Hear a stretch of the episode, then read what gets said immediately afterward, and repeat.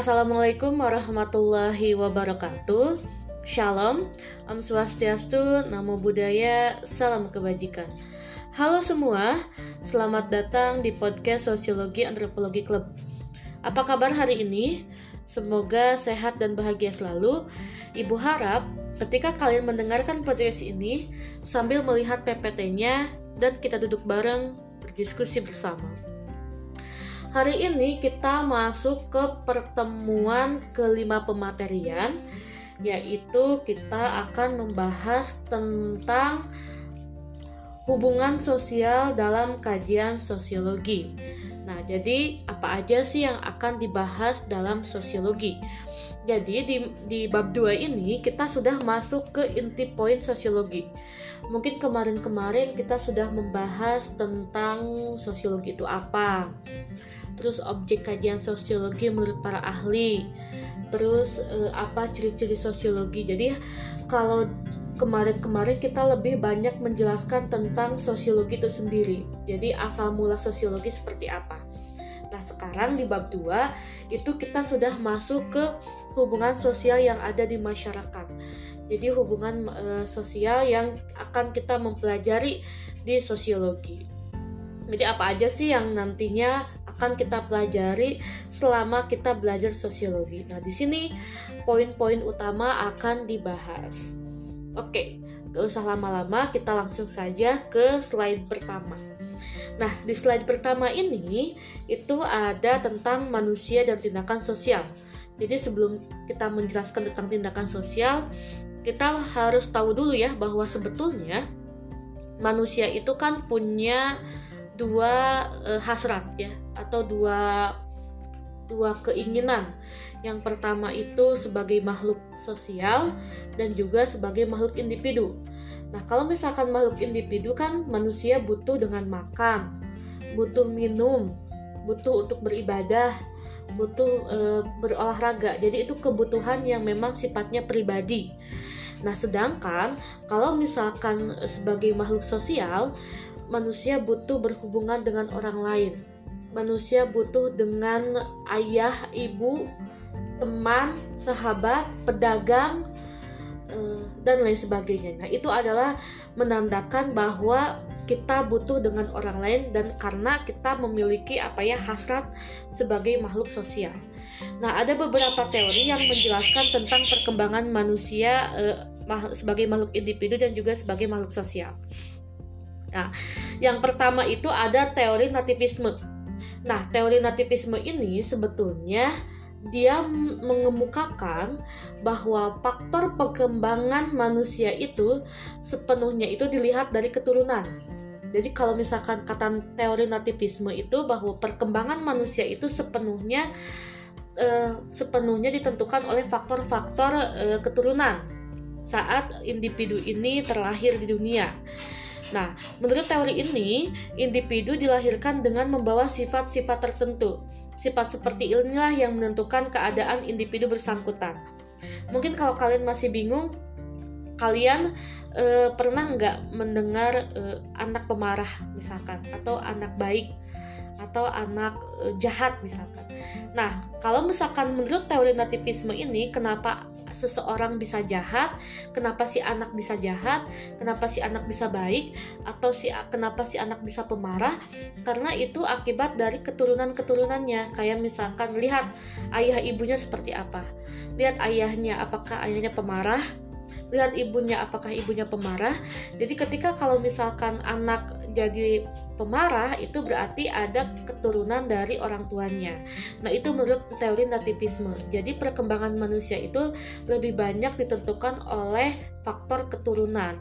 Makanya kenapa kalau kita mau nikah gitu ya itu harus baik keturunan apa ya sifat-sifat kita karena bisa jadi sifat itulah yang akan diwariskan ke anak kita nanti. Itu ya, bisa dipahami.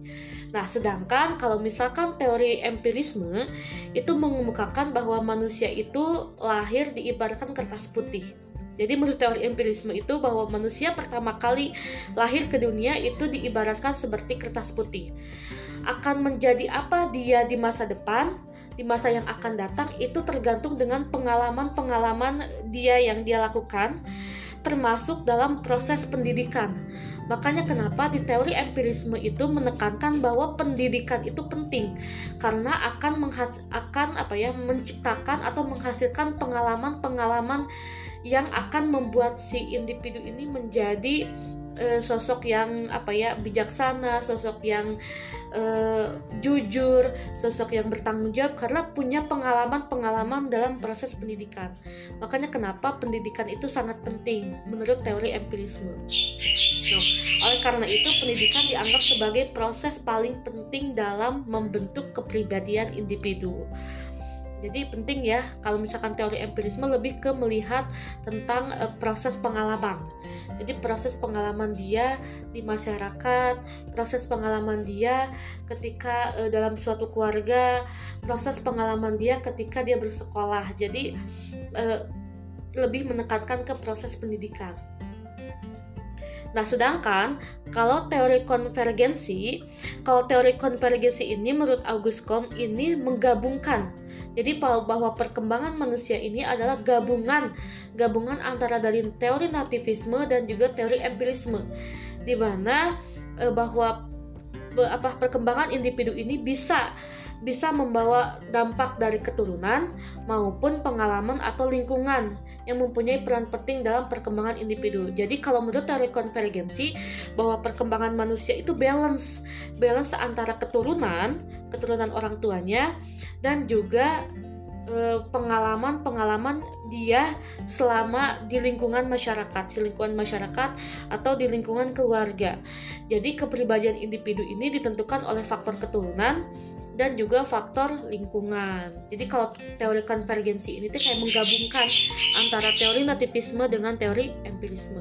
Semoga bisa dipahami ya. Nah, itu adalah tentang e, mempelajari tentang manusia. Nah, sekarang kita akan masuk ke tindakan sosial. Sebetulnya tindakan sosial ini kan sudah Ibu jelaskan secara detail di e, apa ya di slide materi minggu-minggu kemarin ya. Jadi ibu di sini hanya menjelaskan secara umum saja. Jadi tindakan sosial ini menurut Max Weber itu adalah suatu tindakan di mana individu sepanjang tindakan ini mempunyai makna atau arti subjektif bagi dirinya dan diarahkan kepada tindakan orang lain. Jadi lebih sederhananya gini. Tindakan sosial itu kalau misalkan ibu bernyanyi di depan umum atau bernyanyi di suatu konser. Nah, itu sebagai tindakan sosial. Karena penonton bisa melihat ibu. Jadi ada respon dari penonton, ada respon dari orang lain. Jadi tindakan sosial ini inti poinnya itu adalah suatu tindakan yang mana tindakan kita tuh direspon oleh orang lain, dilihat oleh orang lain. Maka ketika ibu menyanyi di depan umum atau misalkan di konser itu sebuah tindakan sosial, disebut sebagai tindakan sosial. Tetapi beda halnya ketika ibu ibu bernyanyi di kamar mandi hanya seorang diri, maka itu bukan disebut sebagai tindakan sosial. Karena tidak ada karena tidak ada apa ya tidak tidak dilihat oleh orang lain. Tidak ada respon dari orang lain itu sebagai uh, sebuah tindakan sosial. Nah, tindakan sosial ini kan dibagi menjadi empat. Ada tindakan sosial rasional instrumental. Tindakan rasional instrumental itu seperti ibu e, melakukan meet dengan siswa. Nah, alat yang digunakan itu kan untuk belajar adalah Meet dan juga Google Classroom. Nah, itu sebagai tindakan rasional instrumental. Kalau misalkan tindakan rasional nilai itu seperti misalkan ibu sedekah sedekah ya ke orang-orang yang membutuhkan. Nah, ibu nggak peduli mau uh, sedekah baju, sedekah uang, atau sedekah di transfer, atau secara langsung itu tidak peduli. Yang penting ibu melakukan sedekah. Nah itu tindakan rasional nilai. Jadi hanya melihat e, niatnya ibu saja untuk bersedekah. Kalau misalkan mau menggunakan transfer atau mau secara langsung itu tidak dilihat gitu. Yang penting sedekah gitu. Nah itu sebagai tindakan rasional nilai. Nah sedangkan kalau tindakan efektif ini tindakan ini lebih banyak didominasi oleh perasaan. Kayak misalkan kita diputusin. Kita diputusin kita sakit hati terus kita mau e, bunuh diri. Nah itu sebagai tindakan afektif. Jadi lebih banyak di apa orientasi oleh kemarahan orientasi oleh emosi terorientasi oleh kekecewaan. Jadi lebih banyak mendominasi uh, emosi dibandingkan uh, berpikir secara rasional gitu. Atau misalkan kita dikecewain terus atau kita ditipu misalkan terus kita marah kan? Kita marah langsung kita uh, ingin membunuh seseorang misalkan. Nah itu sebagai tindakan efektif. Jadi lebih didasari oleh perasaan-perasaan seperti emosi marah nangis kecewa bahagia dibandingkan dengan uh, teori eh dibandingkan dengan rasional Nah, sedangkan kalau misalkan tindakan tradisional itu suatu tindakan yang memang kita sering lakukan setiap hari tanpa sadar dan juga menjadi suatu kebiasaan. Contohnya kayak misalkan kita makan. Makan kan kita pakai tangan. Nah, ketika kita makan pakai tangan, kita sudah tidak lagi mempertanyakan kenapa kita makan pakai tangan. Sedangkan orang Korea, kenapa makan pakai sumpit gitu ya. Jadi suatu kebiasaan yang sudah tidak lagi ditanyakan alasan-alasan gitu. Jadi memang suatu sudah menjadi kebiasaan di masyarakat. Nah, itu sebagai tindakan tradisional. Nah, tadi kan tindakan sosial ya. Tindakan sosial sekarang kita masuk ke kelompok sosial. Jadi di sosiologi juga kita membahas tentang kelompok sosial. Kenapa? Alasannya adalah karena kelompok sosial ini identik dengan interaksi, identik dengan komunikasi, identik dengan individu, identik dengan kelompok. Jadi, kita akan mempelajari tentang kelompok sosial. Kita masih ingat kan, sosiologi itu adalah ilmu yang mempelajari tentang perkawanan, pertemanan. Maka kelompok sosial erat kaitannya dengan yang namanya pertemanan dan juga perkawanan. Kenapa muncul kelompok sosial? Karena adanya gabungan dari individu-individu atau gabungan dari seseorang yang mempunyai visi dan misi yang sama, mempunyai keinginan yang sama, mempunyai perspektif yang sama, mempunyai kenyamanan yang sama. Akhirnya terbentuklah suatu kelompok sosial. Kelompok sosial ini dibagi menjadi dua bagian ya. Ada kelompok sosial eh ada kelompok eh, secara formal dan juga kelompok secara non formal kalau misalkan kelompok formal itu biasanya ada aturan-aturan yang mengikat. Kayak misalkan sekolah terus eh, keluarga terus masyarakat. Nah sedangkan kalau misalkan kelompok non formal itu seperti kayak geng teman sepermainan. Terus eh, geng gitu ya kalau kalian punya geng. Atau misalkan masuk ke ekstrakurikuler. Nah itu termasuk ke kelompok sosial istilahnya ya. Jadi memang kelompok sosial tercipta karena gabungan dari individu-individu yang memiliki tujuan yang sama, keinginan yang sama, dan juga satu visi dan misi yang sama. Intinya mah ada kesamaan, akhirnya menggabung, membuat suatu kelompok sosial. Nah, eh, selanjutnya ada kelompok eh, primer jadi kelompok sosial itu dibagi menjadi dua bagian, ada kelompok primer dan juga ada kelompok sekunder. Kalau misalkan kelompok primer, ingat ya, jangan sampai apa sih namanya itu jangan sampai terkecoh atau jangan sampai tertukar. Kalau misalkan kelompok primer itu ditandai dengan adanya hubungan yang erat dan anggota-anggotanya saling mengenal serta saling berkomunikasi secara langsung. Nah ini mah bersifat pribadi kalau misalkan kelompok primer. Contohnya kayak seperti keluarga. Hubungan antara ayah, ibu, anak. Atau misalkan hubungan antara nenek, kakek, ayah, ibu, anak. Nah itu sebagai kelompok primer. Jadi memang di dalamnya itu bersifat pribadi, bersifat intim dan juga anggota-anggotanya itu saling mengenal dan lebih apa ya interaksinya itu lebih banyak gitu ya, sering, lebih sering berkomunikasi secara langsung. Nah, sedangkan kalau misalkan kelompok sekunder ini jumlah anggotanya banyak sehingga tidak saling mengenal. Hubungannya juga relatif renggang dan anggotanya tak perlu saling mengenal secara pribadi. Jadi kalau misalkan kelompok sekunder ini karena kebanyakan orangnya, jadi kita terkadang hanya mengenal apa ya, hanya mengenal tahu muka aja gini. Ada istilah tahu muka tapi nggak tahu nama. Atau tahu nama tapi nggak tahu muka. Nah itu adalah termasuk ke kelompok sekunder karena kebanyakan orang dan kita di, tidak dituntut untuk tidak saling mengenal gitu. Nggak apa-apa tidak saling mengenal juga gitu. Dan juga tidak mengenal tidak mengenal secara pribadi juga. Jadi misalkan hanya tahu saja. Nah contohnya kayak seperti apa? Contohnya kayak di pekerjaan. Di pekerjaan. Terus kalau lebih sederhananya di sekolah kita masuk ke kelas misalkan 10 IPS 4 kita hanya mengenal kelas 10 IPS 4 kelas-kelas lain kan kita tidak mengenal karena kebanyakan. Jadi satu sekolah SMA negeri satu Ranca kan kita tidak tidak mengenal secara keseluruhan. Jadi hanya mengenal eh, orang-orang tertentu saja. Nah itu termasuk ke kelompok sekunder. Jadi yang termasuk ke dalam kelompok sekunder itu adalah sekolah terus pekerjaan. Kalau misalkan ke kerjaan ya termasuk di pekerjaan pabrik tuh kan karena kebanyakan kan karyawannya jadi kadang-kadang kita nggak saling mengenal gitu. Meskipun satu pekerjaan atau meskipun satu sekolah tetap aja kita terkadang nggak nggak terlalu intim gitu untuk eh, berhubungan. Jadi itu sebagai contoh kelompok sekunder. Jadi memang relatif jumlah anggotanya banyak dan relatif renggang Nah, selanjutnya ada norma dan konflik kelompok. Nah, norma kelompok ini merupakan aturan yang ada di suatu kelompok tersebut. Jadi kalau misalkan kita masuk ke kelompok tersebut, ke kelompok A, maka ada aturan-aturan yang harus kita taati. Ya, misalkan kayak misalkan e, kita masuk ke sekolah. Sekolah itu kan termasuk ke kelompok ya, kelompok sosial. Uh, kita masuk sekolah. Ada aturan-aturan yang harus kita uh, wajib patuhi.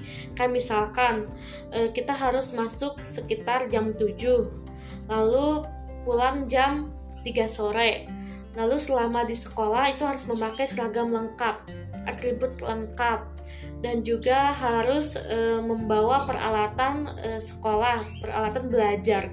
Nah, itu kan aturan-aturan yang memang harus kita e, lalui gitu ya sebagai siswa.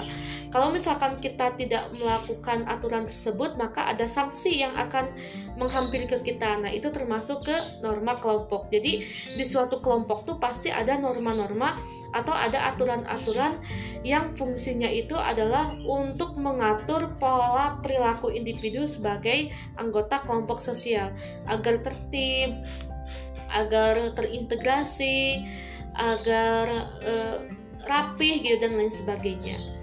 Nah, selain norma kelompok, ada juga konflik kelompok. Nah, kenapa terjadinya konflik kelompok?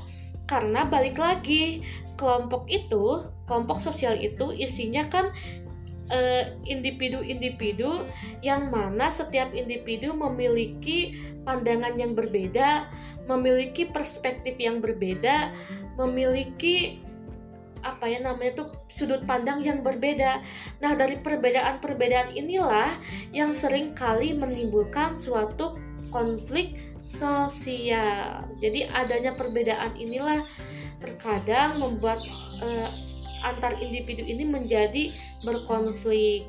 Makanya kenapa eh, penting sekali untuk bisa apa ya duduk bareng, berdiskusi bersama, mencari solusi bareng-bareng, gitu ya. Nah, di sini ada sejumlah penyebab terjadinya konflik dalam kelompok. Yang pertama, adanya perbedaan pendirian atau perasaan antar anggota kelompok. Yang kedua, adanya perbedaan kepribadian antar anggota kelompok. Yang yang ketiga, adanya perubahan keadaan yang dihadapi oleh kelompok. Ya, kalau kita lihat secara seksama, di antara jumlah penyebab ini, jumlah penyebab konflik ini rata-rata adanya perbedaan. Nah, terkadang perbedaan inilah yang bisa menyebabkan atau yang bisa menimbulkan terjadinya konflik dalam kelompok. Nah, di samping itu pula, konflik dalam kelompok juga sebetulnya bisa jadi suatu peluang untuk mengembangkan dan perkuat hubungan antar anggota dalam kelompok sosial. Jadi adanya konflik sosial itu tidak selamanya negatif, tidak selamanya tidak baik, tapi ada sisi positifnya yaitu bisa menjadi atau bisa memperkuat hubungan antar anggota kelompok, anggota di dalam suatu kelompok. Nah, yang terakhir ada komunikasi kelompok. Nah, kalau misalkan kenapa ada komunikasi kelompok? Ya karena ada konflik gitu ya. Kenapa ada konflik ya karena tidak ada komunikasi kelompok gitu. Jadi makanya kenapa konflik dan komunikasi ini sebetulnya tidak bisa dipisahkan. Jadi nempel satu sama lain. Jadi kalau misalkan ada konflik, ya kita harus komunikasi dengan baik, duduk bareng, berdiskusi bersama, cari jalan keluar gitu ya. Cari jalan keluar jangan sampai kita menghindar menghindar menghindar. Jangan sampai seperti itu ya. Kalau misalkan kita menghindar maka masalah tidak akan selesai. Jadi kalau misalkan masalah harus selesai kalau masalah ingin selesai maka kunci utama itu adalah komunikasi gitu ya komunikasi. Komunikasi ini ada beberapa fungsi. Yang pertama mempertahankan jalinan hubungan sosial. Yang kedua ada mempertukarkan pengalaman dan pengetahuan. Yang ketiga ada membujuk anggota kelompok untuk melakukan atau tidak melakukan sesuatu. Dan yang keempat adalah ini poin yang paling penting mencari pemecahan masalah dan merumuskan keputusan bersama itulah e, materi bab dua hari ini. Semoga bisa dipahami. Kalau misalkan ada yang belum paham silahkan bisa japri e, guru ataupun e, pertanyaannya bisa dikemukakan di grup kelas. Jadi biar kita berdiskusi bersama ya. Terima kasih sudah mendengar, mendengarkan podcast ini. Semoga sehat selalu bahagia selalu. Wassalamualaikum warahmatullahi wabarakatuh